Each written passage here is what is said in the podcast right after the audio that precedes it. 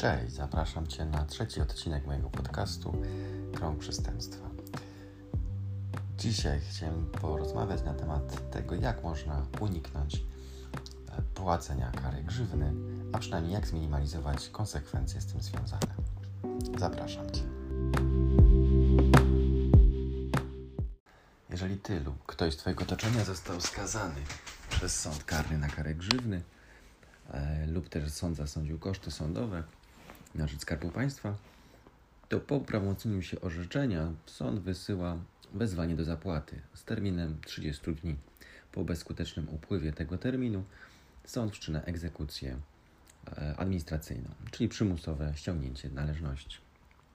Kodeks karny wykonawczy przewiduje jednak możliwość rozłożenia grzywny i kosztów sądowych na raty, jak również możliwość ich umorzenia co trzeba zrobić, żeby uzyskać takie rozłożenie lub umorzenie grzywny na raty? Mm, przede wszystkim trzeba złożyć wniosek na piśmie do sądu, który wydał wyrok e, w pierwszej instancji, czyli z reguły sąd rejonowy. We wniosku tym trzeba powołać się na okoliczności, które stanowią zbyt ciężkie skutki dla skazanego lub dla jego rodziny, które uniemożliwiają lub utrudniają mu jednorazową płatność grzywny lub kosztów sądowych. Z reguły mm, Dobrym uzasadnieniem jest konieczność zapewnienia utrzymania swojej rodzinie, zbyt niskie dochody lub zbyt wysokie uzasadnione wydatki. Z praktyki mogę powiedzieć, że sądy w 90,9% spraw przyznają rozratowanie grzywny i kosztów sądowych. Maksymalny okres rozłożenia e, na raty grzywny i kosztów sądowych to są 3 lata, ale to jest tylko w wyjątkowych sytuacjach.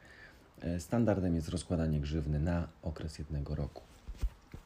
Jeżeli chodzi o umorzenie grzywny lub kosztów sądowych, no z tym jest trochę gorzej, bo tutaj sądy się nie godzą na umorzenie tej grzywny, wychodząc z założenia, że w przypadku gdyby uległo umorzeniu, to czyn kara, karny, czyn karalny, e, za który e, dana osoba została skazana, nie ponosiłby za sobą żadnych konsekwencji. Z tym wymiar sprawiedliwości no, nie może się godzić. Także umorzenie to tylko w sytuacjach naprawdę wyjątkowych.